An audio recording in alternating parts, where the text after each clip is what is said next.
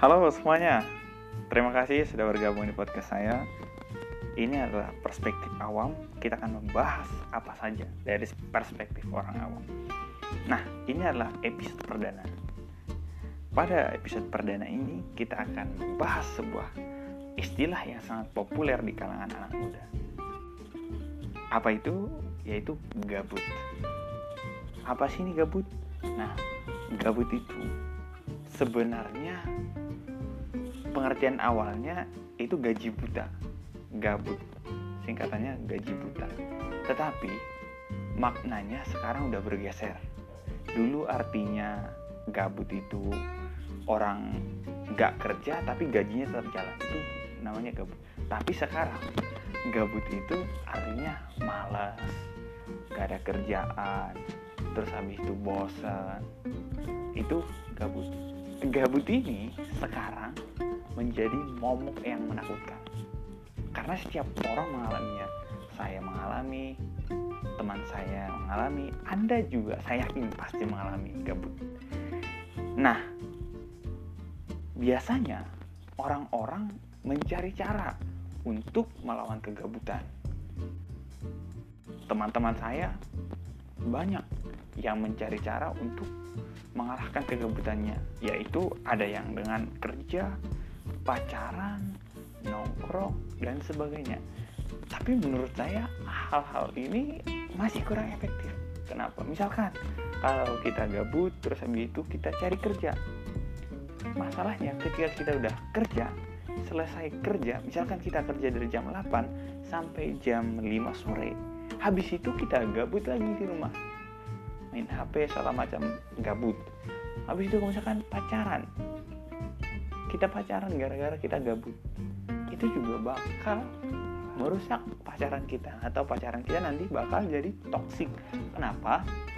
Karena kita mengharapkan pacar kita untuk menghilangkan kegabutan kita atau menyenangkan hati kita.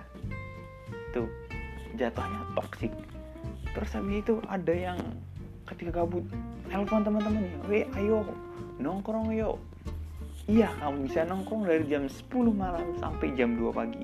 Tapi setelah jam 2, kamu gak bisa tidur. Ya jatuhnya gabut lagi.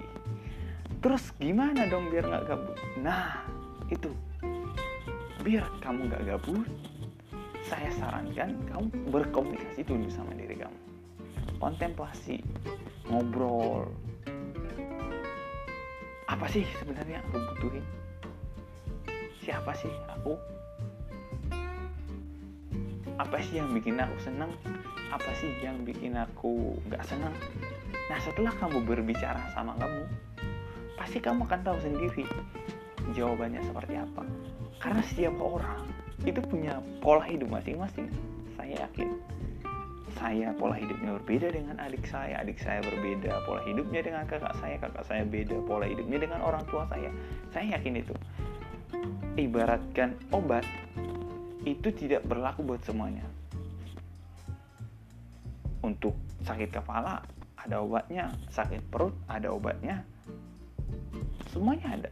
Ya sakit perut aja banyak obatnya, yang mencret. Terus habis itu yang mulas, sakit kepala juga gitu, ada yang migran.